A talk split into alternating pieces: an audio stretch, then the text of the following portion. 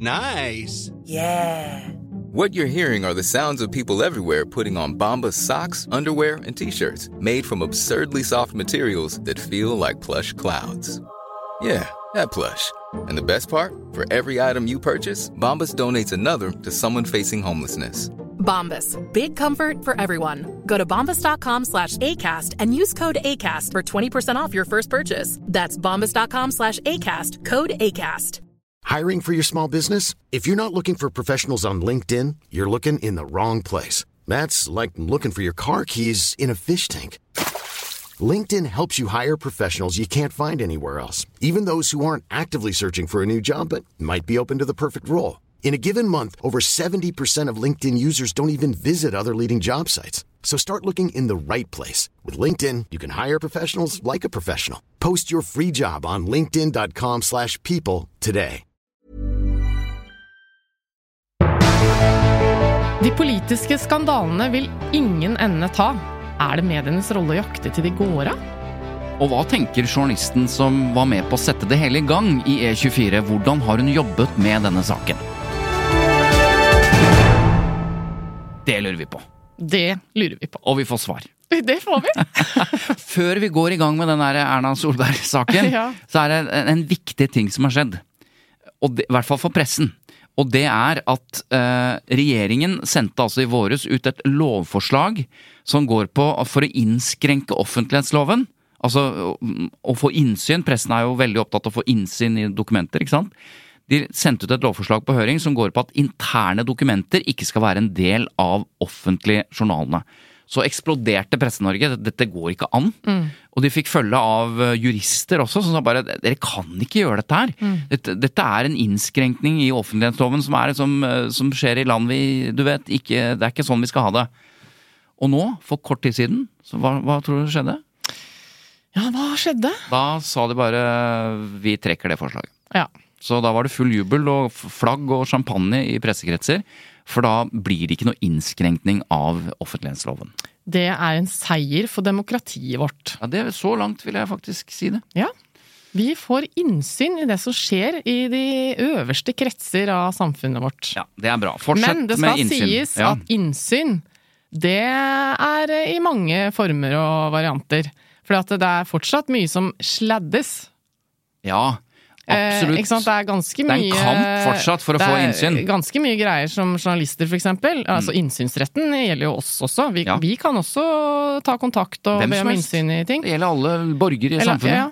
Men, eh, men veldig ofte så kommer det med mye sånne svarte firkanter på sladding av hensyn til ditt og datt og sånn. Sånn at eh, fullt innsyn er det ikke i absolutt alt. Nei da, da må, sånne, da må du ha sånne eksperter som Tarjei Ler Salvesen, eh, som har skrevet en bok om innsyn, og som gir seg ikke på tørre møkka. Da blir de der sladdene av og til borte. Ja, man må fortsette å kjempe. Og så har jeg lagt merke til en annen ting. Det- Terningkastdiskusjon i NRK. Så du det? At de, de, det har jo blitt terningkast i NRK. Det har aldri vært terningkast i NRK. det har jeg ikke fått med meg, Svein Tore. Jo. Så jeg, ja. Terningkast i NRK. Hva syns du om det? Eh, nei, jeg Det er jo terningkast overalt. Fordi det er ikke noe hemmelighet at uh, for de som uh, følger med i VG, så har det vært litt diskusjoner internt i redaksjonen deres uh, om hvorvidt de liksom liker det at de må drive og trille terninger etter debatter og politiske Og det, debatter. er, og det er en liten sånn inside der. altså Tone Sofie Aglen, som er kommentator i, Ja, nå i NRK, hun var, hun var kommentator i VG.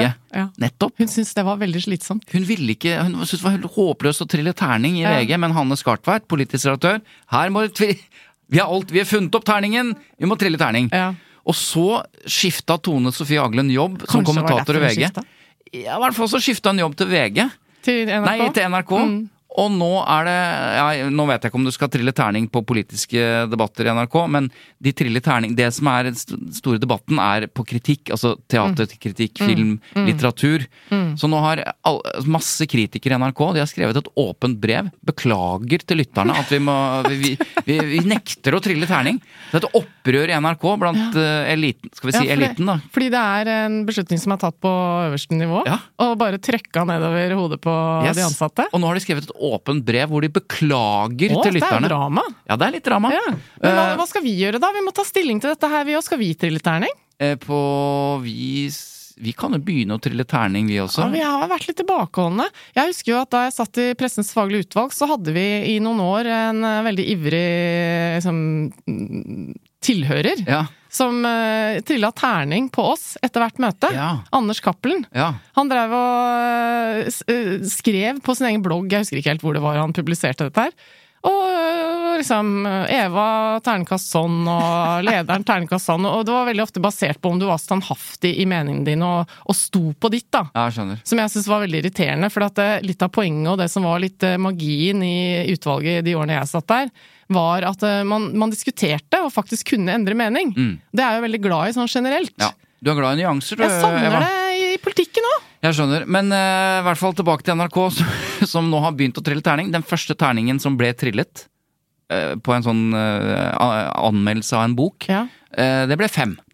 Lars Mytting fikk eh, fem eh, for sin Å, jeg gleder meg til den boka! Nettopp. Fikk den fem? Ja. Å, jeg venta på nummer tre! Og der har du hele poenget. At nå fikk du vite at den oppfølgeren fikk til eh, Søsterklokken og vet. Ekneveven og Nå fikk den fem i ternekast, og nå okay. skal du lese den. Ja, det, det skal jeg. Men ikke fordi den fikk fem i ternekast. Nei, jeg hadde men, nok lest den uansett. I hvert fall eh, så får vi følge det dramaet. da, om de, om, Er det sånn at da må de bytte ut alle kritikerne sine, for de kritikerne som ikke vil trille terning, de kan jo ikke jobbe der. Ok, til alle dere andre redaksjoner. Nå er det lett å plukke NRK-kulturkritikere eh, til deres redaksjoner. Hvis dere selger inn at dere ikke skal innføre terninger. Men nå må vi komme til, komme til poenget, som det heter. Vi må Ja. snakke om den saken alle snakker om, Ja, nemlig vi må dessverre det. Jeg er jo drittlei allerede, men eh, sånn er det. Ja, du har drittlei selve saken, Ja. men vi skal snakke om medienes rolle. Ja. Ikke sant? Det er Erna Solberg-skandalen og pressens rolle i den. Eller Sindre Finnes-saken, som det het i starten. Ja, eller ja, burde det ikke fortsatt gjøre det? Nei da, for at dette er jo ikke om Sindre Finnes, egentlig. Det er jo om Om Erna Solberg, vår, vår, kommende eks. kanskje statsminister, ikke sant? Ja. Det er der ansvaret ligger. Altså Finnes øh, Alle skjønner at det han har gjort, ikke er bra, men ok. Ja. Selv om ikke det er din skyld, så er det ditt ansvar, Ja. osv. Ja. Men det er jo, sant, dette er den største av mange politiske skandaler, øh, og flere av dem har jo handlet om, om aksjekjøp. Ola Borten Moe-saken, Mm. Huitfeldt-saken og nå Solberg-saken. og felles for de to siste er jo at ektemennene har røra det til. Fader, ass. Disse ektemennene. Man må kvitte seg med dem. Det er mitt råd. Ok, Det vil jeg protestere prinsipielt på, men, men ok. Og så får jo andre medier snakke om kjernen i sakene. Det kommer nye saker hver dag. Og så må vi si en liten disclaimer. Ja, I dag er det torsdag, når vi sitter her i studio. det er det. Når lytterne hører det, er det mest sannsynlig fredag eller påfølgende dager. Og vi har våre mistanker om hva som da kan ha skjedd. Ja, fordi at eh, torsdag, eh, som er dagen i dag hvor vi sitter her, så er det varsla at, eh, at Erna Solberg skal gå hele runden. Hun skal intervjues eh, i, eh, i alle medier og Ja. skal være med i debatten. Ja. Men det som skjer først, de som får det første intervjuet Ja. med Erna Solberg, det er som seg hør og bør. ja. Hvem er det, tror du? Eh, Det vil jeg jo da i hvert fall håpe at er E24, ettersom eh, de på en måte har leda an i, dette sakskomplekset her. Vi har derfor, eh, ikke bare derfor, men vi har invitert en, eh, en journalist i E24 som kommer snart, eh, som skal si litt om hvordan journalistikken blir til nå disse dagene. Ja, nettopp, Ja. ikke sant. Det har vi jo selvfølgelig gjort, for vi er jo alltid på Vi er alltid når det gjelder. Men du, det som har slått meg sånn på tampen av denne uka, er hvordan, hvordan da, vi var litt inne på det, hvordan fokuset virkelig har snudd. Ja. Fra at alle løper etter Sindre Finnes og beskriver hvor hodeløst og svikefullt det er det han har gjort, Ja. til at mediene nå, og særlig mediens kommentatorer, retter knallhard kritikk mot Høyre og Erna Solberg, som de nå mener opptrer stygt, der mm. de liksom kaster Sindre Finnes brutalt under bussen. Ja. Og nå tar jo jeg, merker jeg, eh, på meg den hatten som personlighetstestene mine tilsier at jeg gjør. Vel? Og det er uh, den kritiske stemmen som stiller de spørsmålene som jeg føler at ingen andre gjør. Okay. Så- selv om kanskje ikke det er min mening, hvis du skjønner. Ja, og det så jeg er- forbereder deg litt på det nå. Ja, ok, men jeg skal forberede meg på det. For jeg må bare si før, før disse kritiske spørsmålene Mediene sammenligner nå bl.a. Huitfeldt-saken og Solberg-saken. ikke sant? Der Anniken Huitfeldt var veldig tydelig på at det var fullt og helt, eh, helt hennes ansvar, om ikke skyld, så i hvert fall ansvar. Ja. Så mener eh, Solbergs våpendragere, da, Henrik Asheim og Høyre og sånn, at det er. Ja. helt og hold, holdent eh, ektemannens eh, skyld og ansvar. Og da Ja. eh, må jeg bare Altså Marie Simonsen i Dagbladet skriver følgende.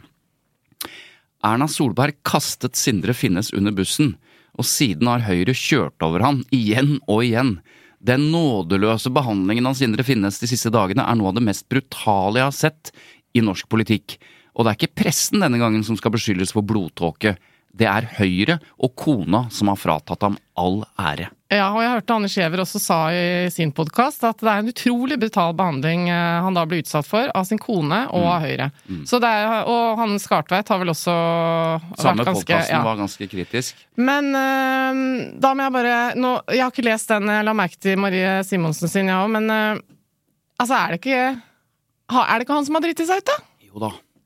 Så da, nå, det vi må diskutere nå, er liksom gangen i det. Hva er lurt i forhold til For at nå har det begynt å bli sånn uh, Je suis uh, Sindre Finnes-stemning, ikke sant? Det er rart hvordan er klokka eller pendelen Ja, bare det er, man Jo, kunne det- jo bare satt opp med tidslinje på det òg. Ja, når og er det det snakka om det i Dagsnytt øh, 18 eller et eller annet sted, og gått gjennom liksom skritt for skritt hva kommer til å skje. Når får Sindre Ja. sympati? Men poenget er jo at Sindre Finnes er jo ikke en Altså, det han har gjort Vi har noenlunde oversikt over liksom Ikke alle aksjekjøpene, men det at han har gjort det han har gjort uh, som ektemann, er nå én sak. Ja.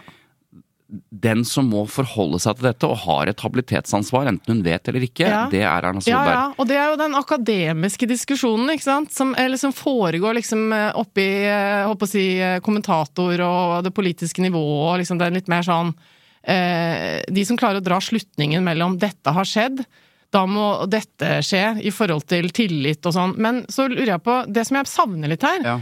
er den derre Hva føler egentlig folk? Sånn egentlig. Ja, Eh, Hvis jeg hadde jo sittet rundt middagsbordet, og liksom, hva hadde jeg akseptert? Da jeg prøvde å stille meg selv. Hva hadde jeg akseptert hvis jeg var i middagsselskap med Erna?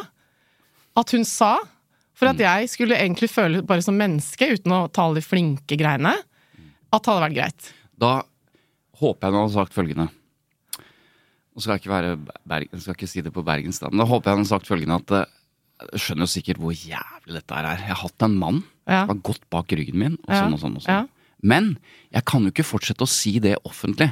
Jeg offentlig, så må jeg si at dette er mitt ansvar. Det er min plikt å ta rede på dette, Ja. for det er det jo rent Ja. formelt sett. Eva, sier hun da. Det er jo kanskje det hun skal Men gjøre i dag. skjønner dere hvor jævlig det er, eller? Skjønner dere hvor grusomt det er? Men jeg må på et eller annet tidspunkt snu. Jeg kan ikke fortsette å kaste mannen min under bussen, sånn som jeg startet Ja, med. nå snakker du om kommunikasjon, men jeg, jeg lurer på, da, hvis hun hadde da uh, sagt at det som er litt irriterende her, er at vi kanskje dreit oss ut litt Mm. da vi eh, ikke kjappa oss med å få dette ut før valget. Mm. Men det jeg følte, var at Hvem er jeg nå? Nå, Erna. Ja, okay.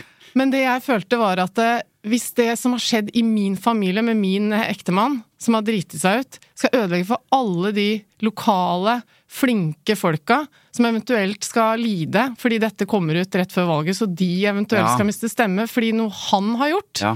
det syns jeg er urettferdig. Jo, det så hadde jeg. kanskje tenkt sånn Ja, det tror jeg jeg ville tenkt òg. Ja, men, men den, den delen forstår jeg at det går an å tenke sånn, men nå er vi der hvor valget er over, eh, og de fortsetter å bare peke på Sindre Finnes fordi, og når jeg sier de, så mener jeg Høyre, Ja.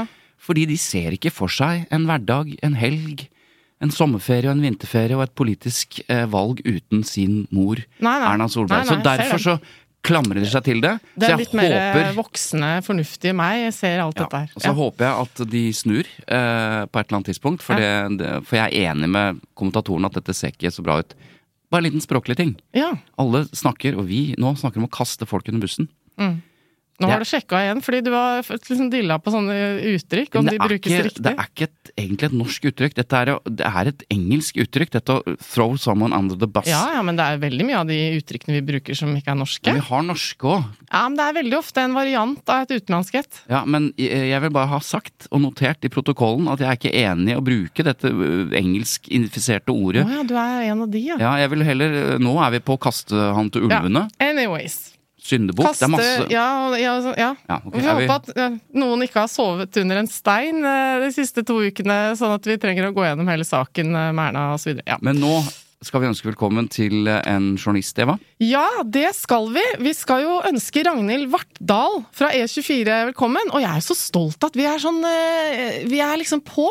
Vi får hovedpersonen i hele sakskomplekset på besøk hos oss. Ja, rett fokus mot journalisten Ja. og ikke oss. Hei, eh, Ragnhild. Velkommen. Tusen, tusen takk for at jeg får komme. Ragnhild Vartdal, hvem er du? Eh, det har dere allerede sagt. Journalist i E24. Ja. Ja.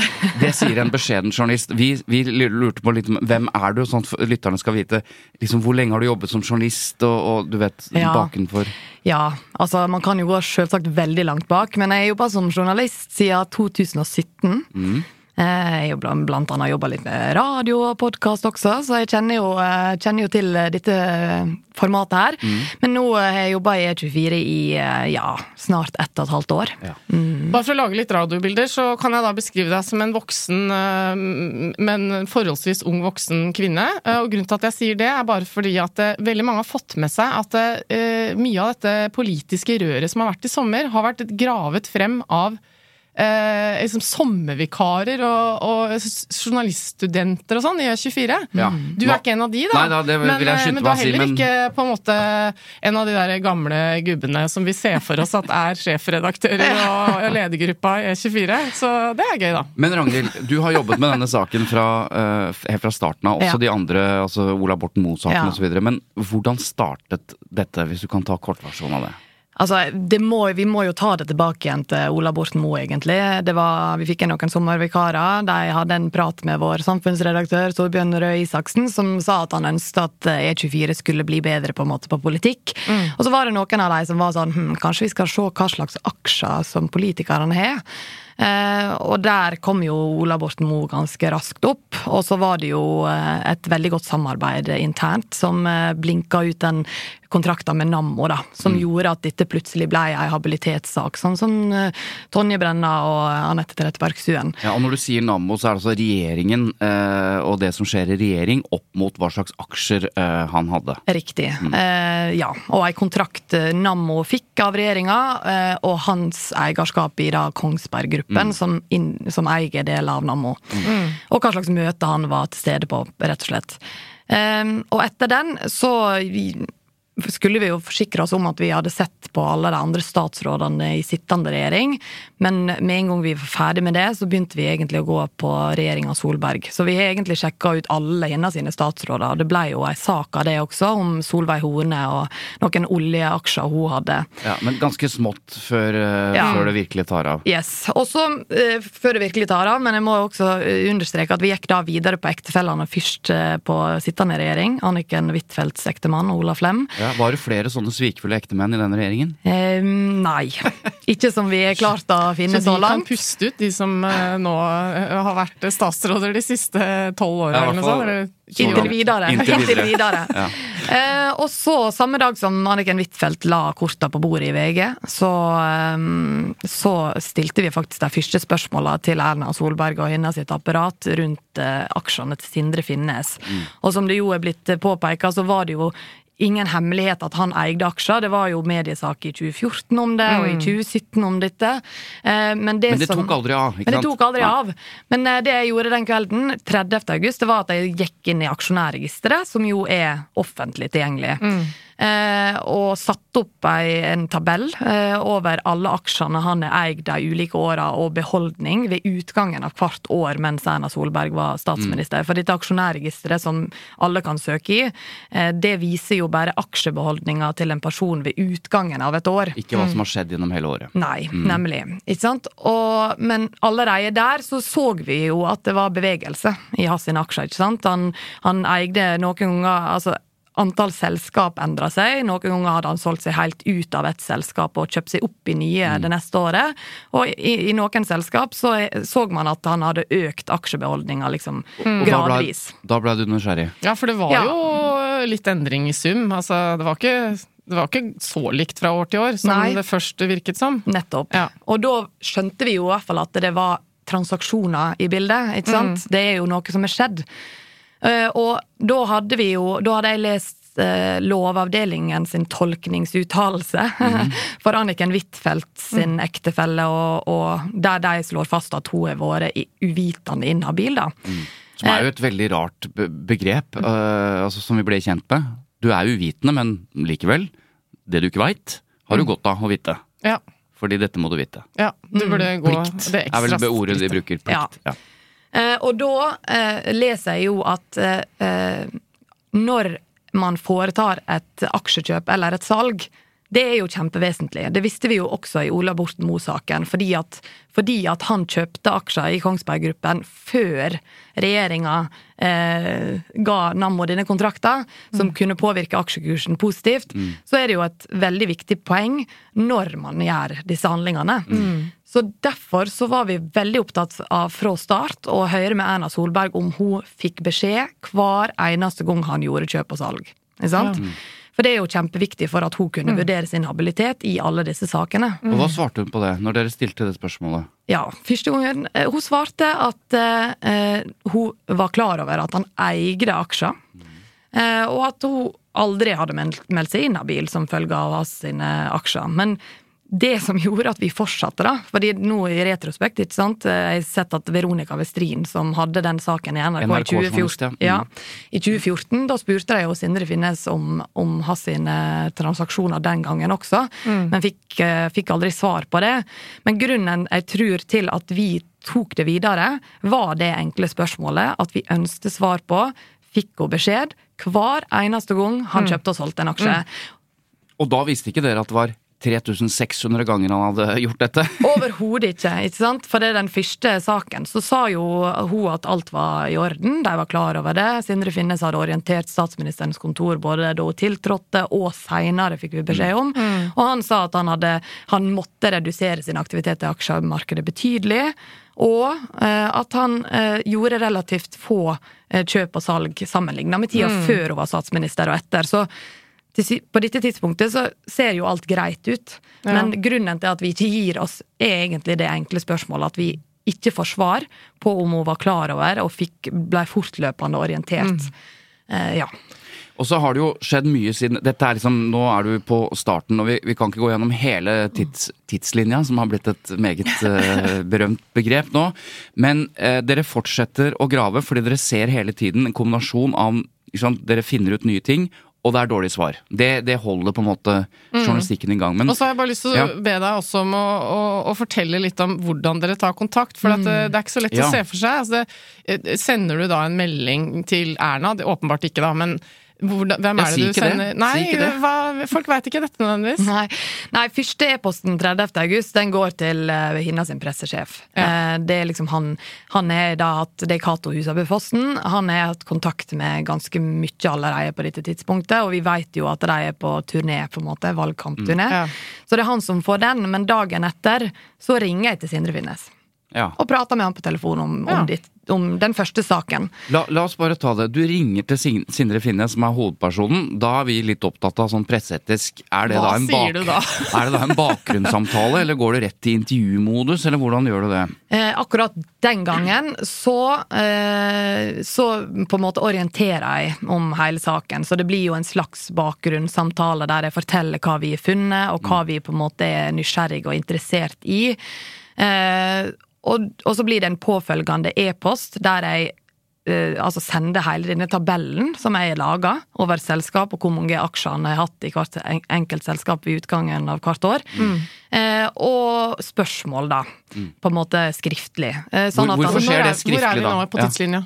Dette er helt i starten. Ja. Altså den aller første saken. Ja, ok. ja, så 31. august skjer Du snakker med han, men hvorfor, eh, hvorfor skjer det skriftlig, bare sånn for å Eh, Litt fordi at eh, jeg er veldig opptatt av at han kan bekrefte at den tabellen som jeg har laga over selskap og antall aksjer ved enden av hvert år, er riktig. ikke sant? Mm. Det er jo helt vesentlig at han kan eh, kontrollsjekke at det stemmer. Beklager at vi stiller sånne rare, kuriose spørsmål, men når, når du ringer Sindre Finnes, og så kommer det opp et nummer, kommer det opp Ragnhild Vartdal på hans telefon, så han vet at det er E24-journalist som ringer, og derfor tar han, eller velger å ikke ta, hvis han hadde valgt det, eller vet du det? Jeg tror nok ikke han hadde lagra nummeret mitt da, men jeg Nei. tror han har gjort det nå. Nettopp. Fordi dette handler jo litt om liksom, når man er, når mediene ringer, så kan man liksom Å nei, jeg gidder ikke å snakke med Ragnhild Vartdal akkurat nå, jeg vet hva det handler om. Men han tar telefonen, det er et telefonnummer han kanskje ikke kjenner da. Okay. Ja. Men det skal sies da, når vi snakker om Ja. akkurat det, så har jeg snakka med han flere ganger. Ja. Sant? Så han har jo tatt telefonen, Ja. også seinere. Ja. Um, så ja. Ja. Det skal han ha, si. Det skal han ha. Ok, eh, så eh, har jo denne saken nå utviklet seg, og der eh, rettes nå søkelyset mot Erna Solberg. Nå har vi ikke hørt fra henne på en lang stund. Vi, vi startet med å si at hun er varslet. Ja, fordi hva vet dere nå om hva hun har tenkt å si, du som sitter i førersetet for denne saken? Mm. altså, jeg, jeg tror jeg er like spent som dere, egentlig. Mm. fordi at hun har vært taus, på en måte, siden den pressekonferansen som jo var for oss eh, og for alle andre ganske oppsiktsvekkende og spesiell å følge med på. Um, og fordi at nettopp som dere innleda med, det er blitt snakka så mye om både det ene og det andre, så jeg er egentlig kjempespent, og jeg har forberedt spørsmål på alle scenarioer, hvis du skjønner. Men hvorfor får, eh, hvorfor får du Eller når var det du fikk vite at hun ville gjøre et intervju med E24 først? For jeg forstår at du får det første intervjuet. Det var i går i firetida. Og da er vi på Eh, onsdag, ikke sant? Ja. Mm. Eh, onsdag eh, i firetida så ringer Cato Husabø Fossen, altså Hinna sin pressesjef, til meg og sier at uh, du skal få intervju med Erna uh, klokka ti. Hva? Og du blir først, sa han. Hvordan, dette er jo, bare for å gjøre deg bitte litt nervøs, Ragnhild, dette er jo kanskje den største politiske skandalen på det jeg kan huske, og har fulgt norsk politikk i snart 30 år. Det fins noen som sikkert er større, men akkurat nå snakker vi om den største stjerna i norsk politikk de siste 20 årene. Og så, har alle 1000 spørsmål og masse kritikk, og så har dere drevet fram saken, og du skal få det første intervjuet med henne. Eh, hvordan eh, tenker du nå før det intervjuet? Ja, det er et godt spørsmål. Egentlig så er på en måte Denne veka har vært litt surrealistisk også for meg, fordi at Altså, det skal sies, vi, vi grov jo i disse sakene, men å liksom komme dit at dette her er omfanget, det ante jo ikke vi heller, ikke sant? Så det er jo Og, og at det er kommet dit det er kommet nå.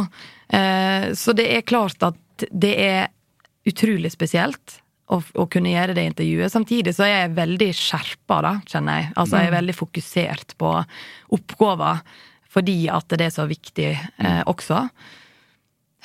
Så jeg, jeg har også et spørsmål.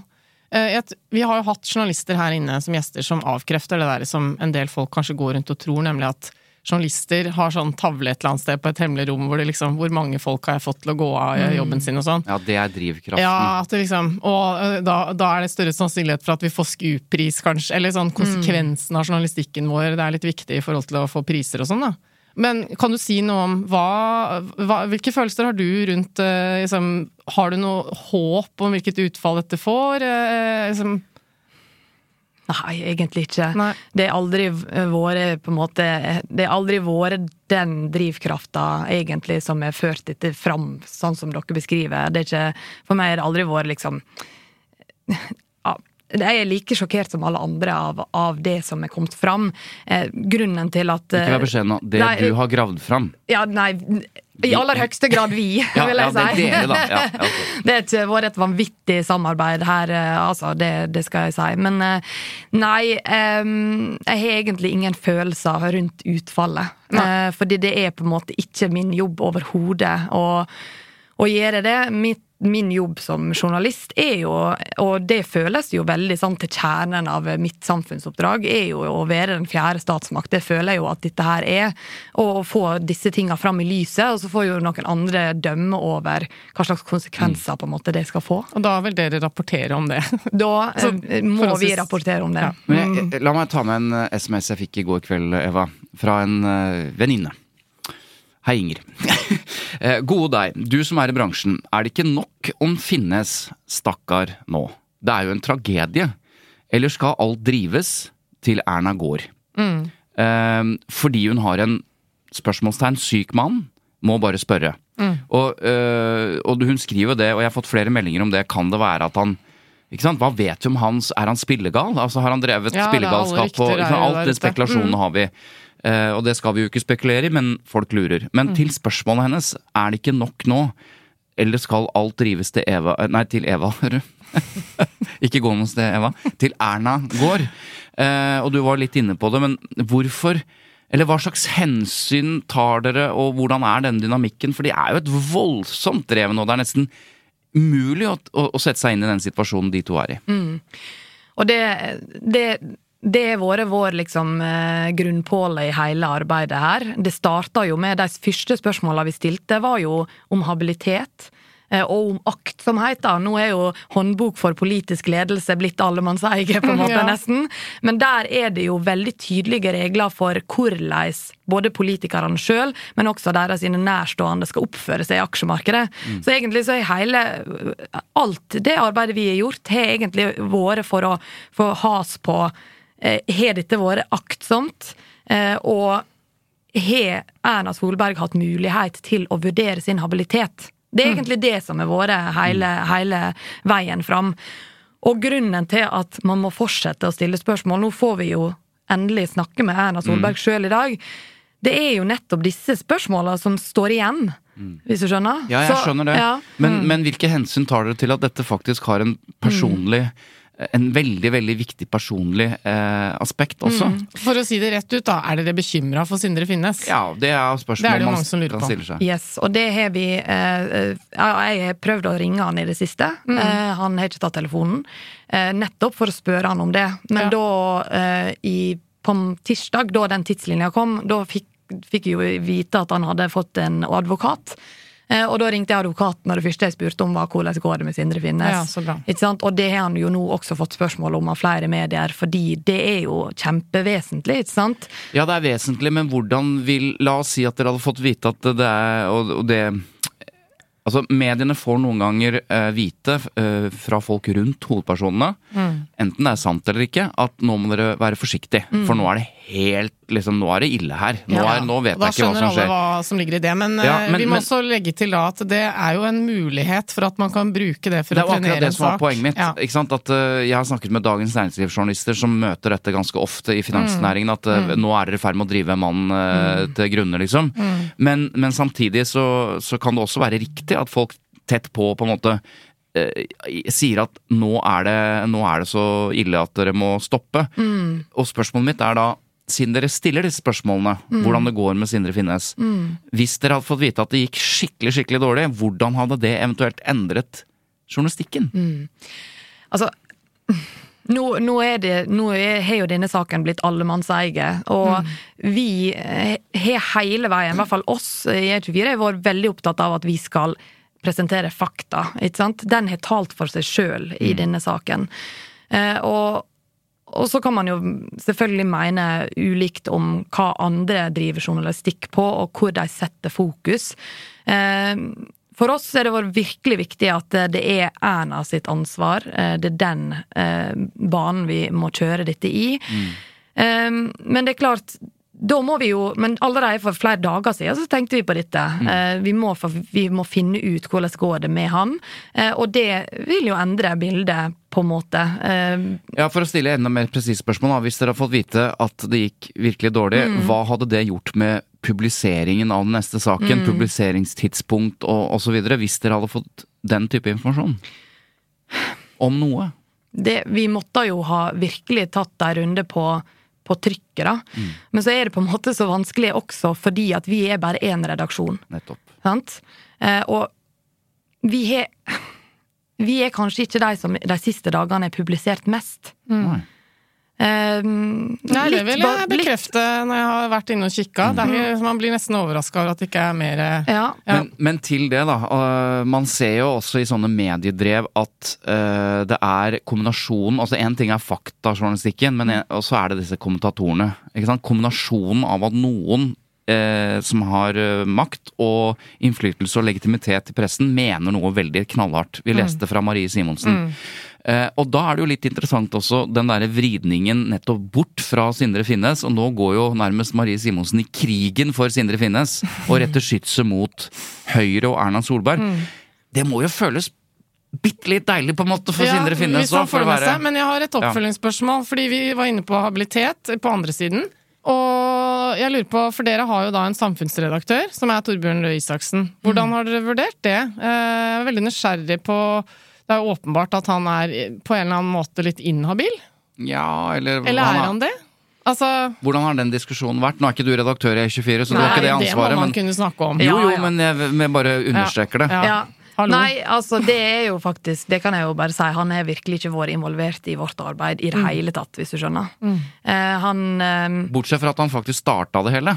Ved å si at nå må dere se på aksjene og, og Du sa jo det i starten? At han, at han mente at dere blitt, burde blitt bedre på politikk. Så ja, men aksjesporet var jo ikke han som Nei, tok ikke sant? Han bare sa politikk, på en Ja, måte. Så, så han skal ikke ha æren for det, tror jeg. Men, men eh, Nei, så han har ikke vært involvert, og dette er jo sånn Han er samfunnsredaktør, han har ingenting med operative å gjøre, da, hvis man skal forklare hvordan dette henger sammen. Eh, Så han har faktisk ikke vært involvert, og om det er noen over meg som har liksom gjort en eller annen vurdering på det, eller hvordan, det veit ikke jeg. Nei, ok, for det, nei, ok, da, skal jeg jo, da bør jeg jo egentlig ikke stille oppfølgingsspørsmålet, men jeg gjør det for poeng. det. Ja. Fordi um, det man hører da fra redaktører, er jo at ja, nei, men vi har tette skott, og dette har vi gjort en vurdering på, og han er tatt ut av alle møter og sak. Altså, ikke sant? For det, og det, da er jo pressen alltid litt sånn ja, forventer de å bli trodd på det, men hvis det hadde vært en tilsvarende greie som dere skulle stille spørsmål om uh, utad, så ville dere jo ikke gitt dere der. Nei. Dere ville jo liksom Ja, har han vært i rommet? Har han Jo, fått med seg seg den mailutvekslingen? Har han hatt tilgang på interne greiene i, på Teams, på en måte? Men man må jo se på hva Torbjørn Røe Isaksen skriver òg. For det, eh, fordi det, de type kritiske spørsmål om det er tette skott eller ikke, det fordrer jo på en måte at man har en eller annen form for mistanke at han legger seg bort til noe han ikke burde lagt seg opp i, til fordel for hans tidligere sjef. Men han har jo nå skrevet, og det er også interessant, altså Torbjørn Isaksen har jo skrevet eh, knallharde kommentarer eh, om dette. Eh, og da står det selvfølgelig alltid at han var en del av regjeringen og, og sånn og sånn, men han skriver jo om dette, og, da, og det er jo litt rart på en måte at han gjør, men han gjør det da med all den tydelighet som jo alle vet, og det står på slutten at han var statsråd i hennes regjering. Jeg tror nok han gjør en vurdering av at nå er det en god stund siden. Han har vært eh, samfunnsredaktør i E24 en stund. Man får ikke bort sin egen eh, erfaring eller CV, men han kommenterer det. Og han har jo eh, jeg setter jo pris på de kommentarene, for han har jo da åpenbart veldig veldig god både kompetanse og innsikt om dette. Så jeg syns jo det er bedre at han kommenterer dette, enn at han av en eller annen habilitetsgrunn skulle la være. Fordi vi får jo Det er jo helt åpent. Han har vært statsråd i regjeringen. Han kommenterer. Ja. Tipp topp. Jeg trekker fra og legger til det jeg føler jeg må gjøre, ut fra at jeg vet han har vært sittet ved hennes bord. Da. Ut ifra det du sier, så er jeg jo helt enig, men det er jo hypotetisk sett også mulig at eh, Torbjørn Røe Isaksen kjenner Erna og Sindre så godt at han vet noe som ingen vet nå. Han har jo hengt med Erna og Sindre i mange Ja, ja. år. De har vært kollegaer i regjeringen, liksom.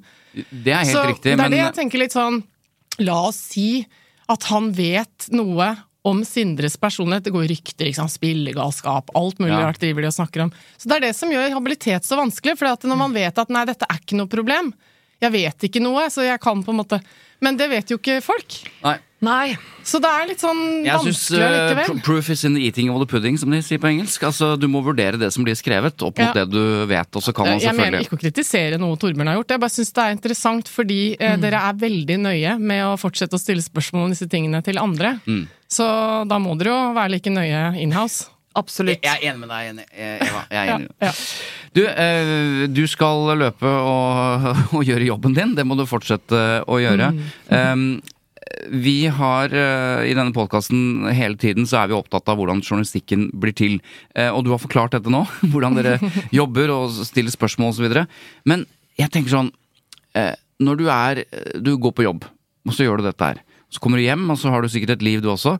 Men har du egentlig det nå i disse dager? Altså, når du sitter at jeg går gjennom aksjonærregisteret osv., sitter du da med en tekopp klokka ti om kvelden og jobber, eller hvordan er arbeidsdagen din? Ja, altså det har vært enormt lange kvelder. Eh, Og ikke at jeg har vært hjemme engang, jeg har vært på kontoret. ikke sant? Så det, det har vært intenst, eh, også for meg. Men, eh, men jeg er ganske flink å koble av, da, men det er klart, det har ikke vært mulig, på en måte. Fordi at, eh, Og det som har vært naturen i denne saken, er at vi har fått svar, eller vi har fått eh, innsyn i ting. eh, Sånn på ettermiddag kveld, ikke sant? så selv om jeg kom på jobb på, på morgenen, så har jeg måttet sitte utover. For det, dette har vært en sånn dynamikk i dette at det har på en måte vært breaking graving, hvis du skjønner. For vi har liksom aldri visst hvor konkurrentene ligger i dette. på en måte. Så vi har på en måte bare måttet skrive det der og da. Så det var ganske intenst. Er det helt slutt er det, Har du sett noe journalistikk eller noe i dette sakskomplekset som liksom du tenker eh, det der, nå må vi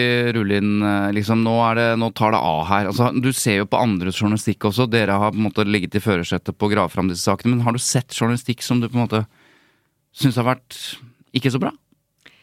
Ja. Si to ord om det før du løper. Hva da? Um, nei, det handler kanskje bare om at vi har liksom gjort våre veldig knallharde vurderinger på en måte på hva vi skal prioritere å gjøre, og hvordan vi skal gjøre det. Så jeg er kanskje liksom fargelagt av det, da. Mm. Når jeg da ser andre som kanskje tar andre vurderinger, på en måte. Er Men ikke- hva er det du er kritisk til? Nei, så jeg er kanskje kritisk til altså For oss er det vært viktig å Erna sitt ansvar, på en måte. Hele veien liksom hinne og stille hinne disse spørsmåla og, og så videre.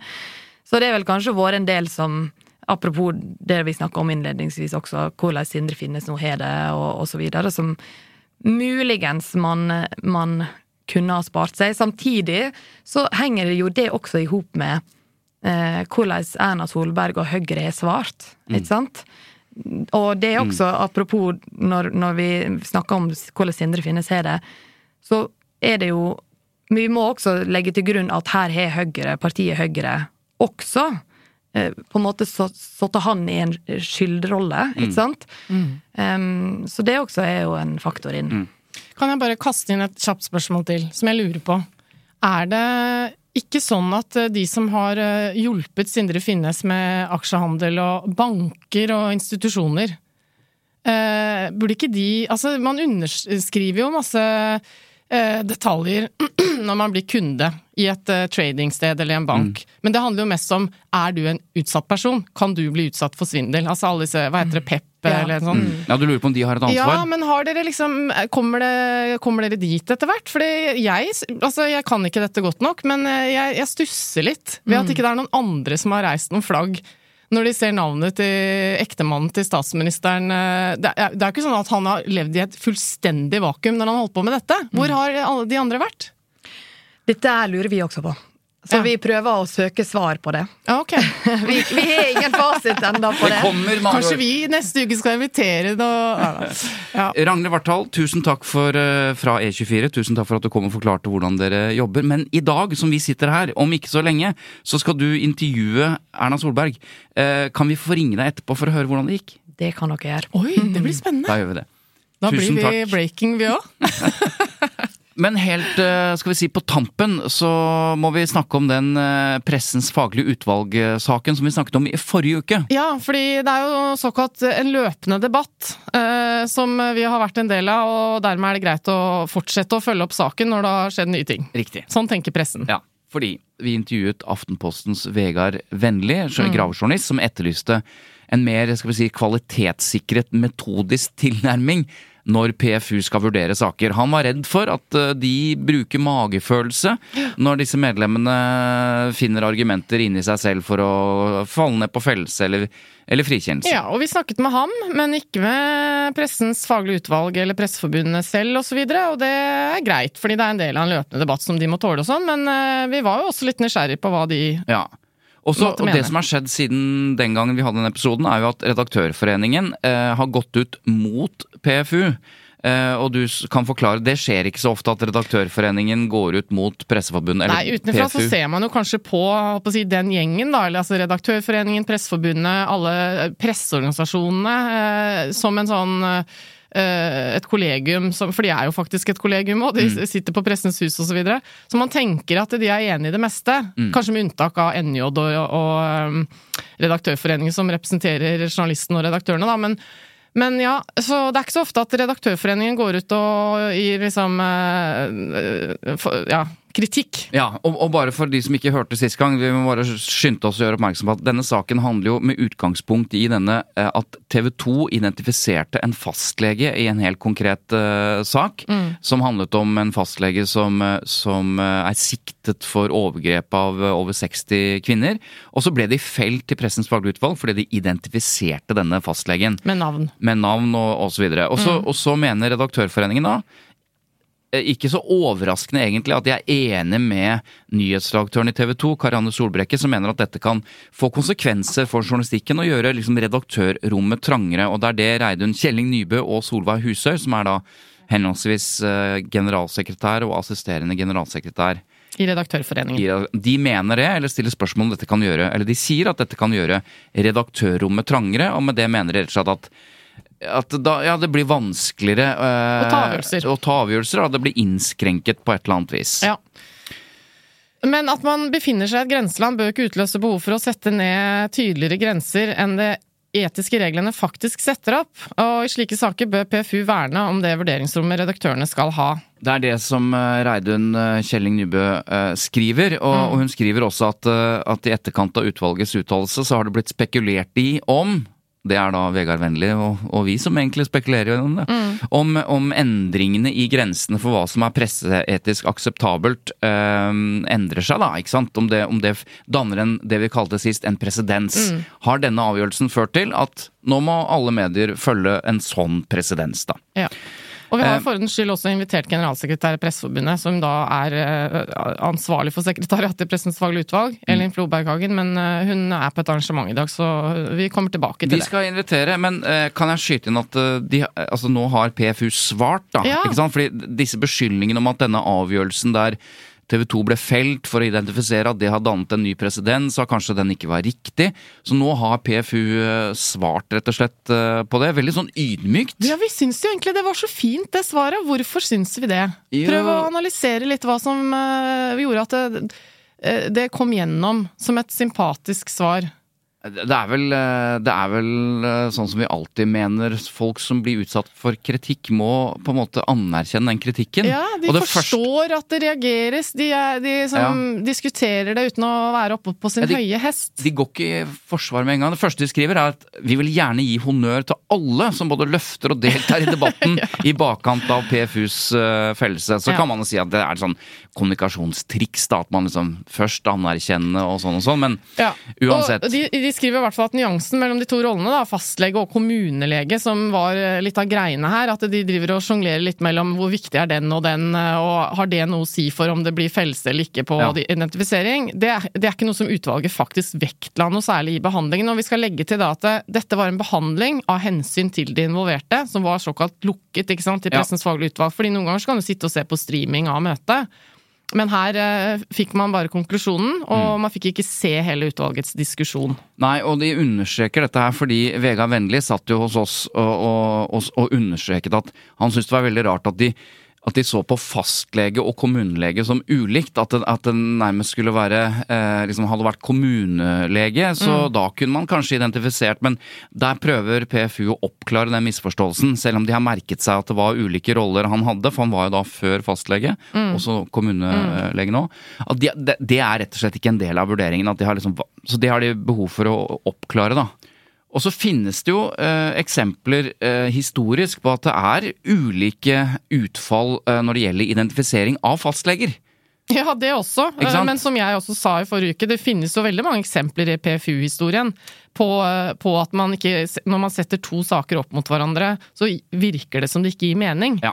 Eh, Fordi konklusjonene er ulike, men det er fordi at hver sak er ulik, og det er ulike hensyn, for det har litt om geografisk hvor stort er området når noen Ja. blir identifisert, f.eks. Så det, så det er også viktig. Og så Ja. nevnte vel eh, altså Vegard Vennli i Aftenposten var jo opptatt av dette med at de eh, det virker som det ikke liksom ser hen til tidligere saker, for det er ikke alltid de i behandlingen nevner det. ikke sant? Men sekretariatet, Ja da, det som, inn- som Altså- innstiller, de har jo sett på de sakene. Ja da, man kommer inn uh, til et uh, veldig godt gjennomarbeida underlag når man sitter i det utvalget, fra sekretariatet, som er superdyktig. Mm. Uh, og da har jo de gjort den jobben med å, med å kikke litt på er det noe presedens her fra tidligere uttalelser, eller er det ikke sant? Mm. Og, mm, og, og bidrar også med å komme med opplysning om de tidligere sakene til utvalget under diskusjonen og sånn, så, så ja. Ja. Helt til slutt så får vi argumentene for hvorfor eh, det kanskje ikke var riktig å identifisere denne fastlegen. da. ja. Og det er det for det første at han var suspendert. Så han opererer ikke som lege nå. Mm. Eh, han hadde status som sikta da, og ikke tiltalt. Han var heller i hvert fall ikke dømt. Eh, Ennå ikke avhørt. Omfanget var uklart. Eh, og så er det et viktig poeng, det fantes bare én kommuneoverlege i den navngitte kommunen. Eh, så det er ikke noe forvekslingsfare her. Nei, det er veldig ofte det viktigste argumentet. ikke sant? Hvis vi ikke sier hvem dette handler om, så kan beskyldningene og mistankene rettes mot feil person, og Ja. det er veldig, veldig urettferdig. Det finnes mange fastleger i en kommune, men det finnes bare én kommuneoverlege. Og når det da ikke er forvekslingsfare, så ja. Så blir belastningen større. Mm. Og så er det, kan man vel ikke heller si at det var noe overhengende fare for overgrep mot forsvarsløse i den situasjonen man er nå, at det er en sånn pågående, at man liksom må advare og identifisere, for her går en gærning rundt. For å si det veldig enkelt. Så det, Ja. var, eh, det var argumentene mot, så da har vi i hvert fall tatt med det. Ja, så det var fint å få oppklart. Jeg tror vi skal gi oss med det, Svein Tore. Ja, Og si takk for nå. Vi har jo fått så sinnssykt mye bra lyttespørsmål denne uka her. absolutt. Men uh, vi, av hensyn til deg som hører på, så gir vi oss når det nærmer seg en time. Og så er det jo riktig å si at de fleste lyttespørsmålene har jo knytta seg til, nemlig Erna Solberg-saken. Ja. og de har vi forsøkt å, å besvare. Men det, nå, det var det vi rakk. Men vent litt, Eva. Vi, vi må jo ringe eh, Ragnhild Vartdal og høre hvordan det gikk med det eh, Erna Solberg-intervjuet. Ikke sant? Og nå, da må vi hoppe i tid. Vi må gå inn i fremtiden, vi nå, da, på en måte. Ja, for det, vi, dette har jo ikke funnet sted. Nei, Men når du hvordan skal vi løse dette? Nei, det er bare å ringe henne. Ja. Men eh, er du klar? Ja, du ringer. Jeg ringer. Ja. Ragnhild Vartdal, journalist i E24. Sist vi snakket med deg, så løp du ut av dette studio eh, for å rekke det første intervjuet som Erna Solberg skulle gjøre etter hennes nå berømte pressekonferanse. Eh, jeg var litt nervøs, men jeg så at du rakk det. Jeg så du satt der. Ja, det er ikke verst bare det, altså. Det var eh, heseblesende. Jeg sprang av gårde. Du, Hvordan var opplevelsen av å få hovedpersonen foran deg og da din kollega Nora Rydne fra E24? Eh, Det skal sies sånn helt først. eh, I starten så hadde vi litt teknisk trøbbel med kamera. Så, Å, det er jo skrekken! så vi ble sittende altså eh, med Erna Solberg framfor oss i ganske mange Eller det føltes i alle fall ut som mange minutter. Der det var bare liksom fullstendig stillhet, på en måte. Så vi liksom så på hverandre, og vi journalistene irriterte oss jo selvfølgelig over teknikken som da feila. Og, og det var jo intenst, på en måte. Litt sånn pinlig type stillhet. Eh, men som på en måte kanskje også økte spenninga til vi skulle begynne å stille spørsmål, på en måte. da. Så Ja, For det var ikke noe chit-chat i den perioden? eh, Ja, jeg, jeg sa vel kanskje sånn Ja, nei, du er vel vant med litt trøbbel med teknikken, liksom.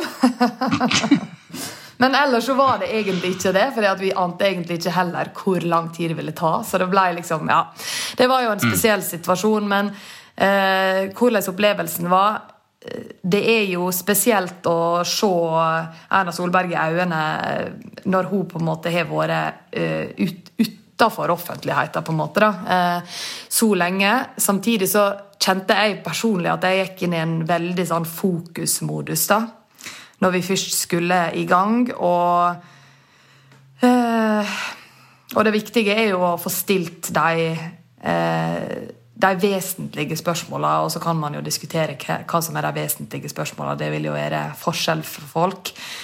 Men, eh, men det var spesielt. Men jeg opplevde også at hun var i en eh, At hun var veldig fokusert og veldig konsentrert. Og så var hun kanskje også veldig sånn kort. Eh, ganske kort. Hun kunne jo ha utbrodert, på en måte, men hun var ganske kort i sine svar. på en måte.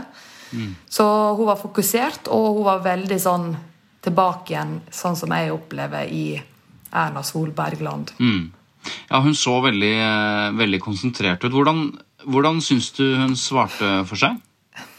Altså, jeg, jeg er jo på en måte kanskje ikke den som skal vurdere det. Samtidig så syns jeg jo at hun det, det henger jo sammen. Altså den historien som eh, hun har presentert egentlig gjennom hele veien her, henger jo veldig sammen.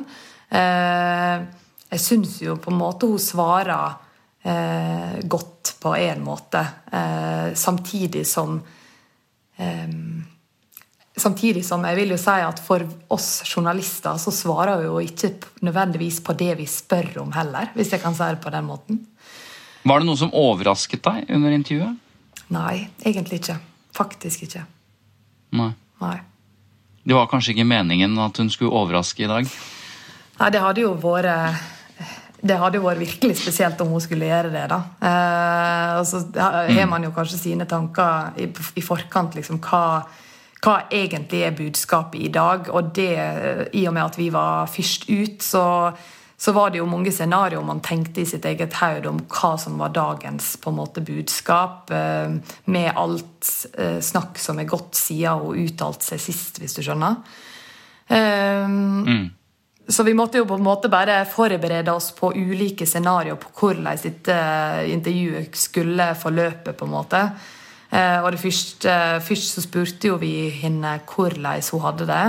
Og det andre spørsmålet som jo veldig mange har lurt på, er jo rett og slett eh, er hun eh, Høyre sin eh, partileder og statsministerkandidat i 2025.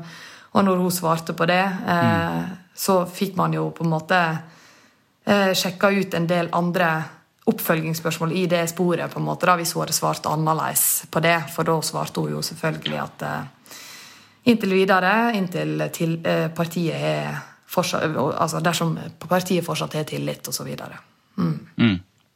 Ja, for det var jo som du sa til, til Eva og meg, at du har jo da forberedt deg på hvis dette blir svaret, så har du denne rekken av oppfølgingsspørsmål, og hvis hun svarer i denne retningen, så Så du gikk til høyre på arket, du kunne gått til venstre hvis svaret hadde, hadde vært annerledes. Ja, på en måte. Eh, og, så, eh, tenker jeg at eh, i et sånt intervju eh, Så for meg tenkte jeg når jeg gikk inn der, at det viktigste for meg å stille er de litt sånn prinsipielle spørsmåla. Eh, man, kunne jo, man kunne jo valgt å bore mye mer i detaljene i denne tidslinja og detaljene i hver enkel aksjehandel som ble foretatt, og alt det der. Ehm, og så visste vi også at vi var en av x antall medier. Hun sa vel 14 intervju eh, i dag, og nå Seinere i kveld så blir det jo debatten og i det hele tatt, så det er jo innmari mange intervju som skal gjøres. Så de spørsmåla som kanskje ikke jeg og vi stilte, eh, er det jo andre som kanskje tok seg av. Men for meg så var det det viktigste spørsmålet faktisk å stille dette her om hva hun tenker om ansvaret hun har for tilliten til politikere og tilliten til demokratiet. Eh, og det, det svarte hun vel kanskje på ordentlig for første gang. Det var i hvert fall tydelig for folk etter alle disse intervjuene som har følt i dag, at eh, det er en tydelig skille mellom det man kaller ansvar og det man kaller skyld. Eh, det kommer ganske klart fram i dag, og det er ikke noe tvil om eh, at hun åpenbart fortsetter å understreke at ja, hun har ansvar, men hun måtte jo eh, tro på, eller i hvert fall hun valgte å tro på mannen sin, som man gjør i et ekteskap, som hun sa på et eller annet tidspunkt. Så Eh, Det var en, eh, i hvert fall for mitt, Fra mitt ståsted så det ut som det var en kvinne som enten har bestemt seg for å bli statsminister igjen, koste hva det koste vil, eller hun skal i hvert fall ikke gå av nå. Da skal hun regissere den avgangen på et tidspunkt hvor hun finner det riktig. Det var vel det, var vel det jeg tolket ut fra både deres intervju og, og andres intervjuer. Jeg vet ikke hva du tenkte om det. Ehm, nei, det, altså det, Igjen, da. Dette er jo mer, eh, mer i ditt landskap og i kommentatordelen av det. Men, men selvfølgelig, når svaret uh, Altså helt umiddelbart når hun svarer at det, det, hun skal sitte inntil videre, på en måte, uh, så, så ber jo det uh, uttrykk av at det er det som er den umiddelbare planen, i alle fall. Eh, så var jo hun Hun sa jo sjøl også at eh, det, det kan jo selvfølgelig være ting i denne saken som nå utvikler seg slik at eh, hun vil se på det annerledes. Og det stilte vi jo også spørsmål om hva skal det være, eventuelt. Selv om hun ikke hadde noen klar liste på det. da.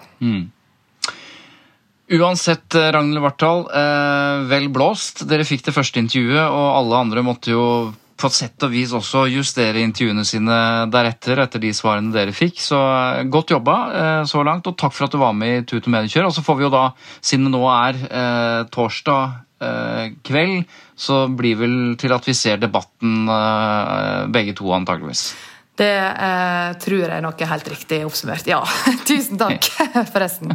Ja, det var Ragnhild Vartdal som fortalte hvordan det var å intervjue Erna Solberg. For hun fikk altså det første intervjuet. De fleste har sikkert nå sett Dagsrevyen og debatten sånn. Ja, og alt ja. mulig Så sånn. nå er vi tilbake i fortiden igjen. Ja, Nå er det torsdag. Nå er det torsdag. Det er rare Ja, greier, det dette. var, var morsomt å høre det som jeg nå ennå ikke har hørt. Ja, Det var kjempeinteressant å høre hvordan det var å, å intervjue Erna Solberg. Ja.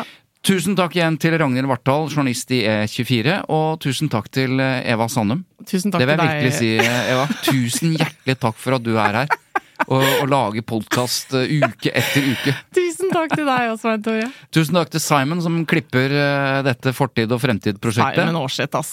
Og så takk til Lyder Produksjoner som produserer eh, vår podkast. Og, Og takk til deg som hører på. Ikke minst. Ikke minst. Fortsett å sende lyttespørsmål, vi lover. Eh, men 99 Og lese de. Og vi svarer jo på noen også, da. Ja, vi gjør det. Ja. Så takk for det, og ha en god dag. Ha det!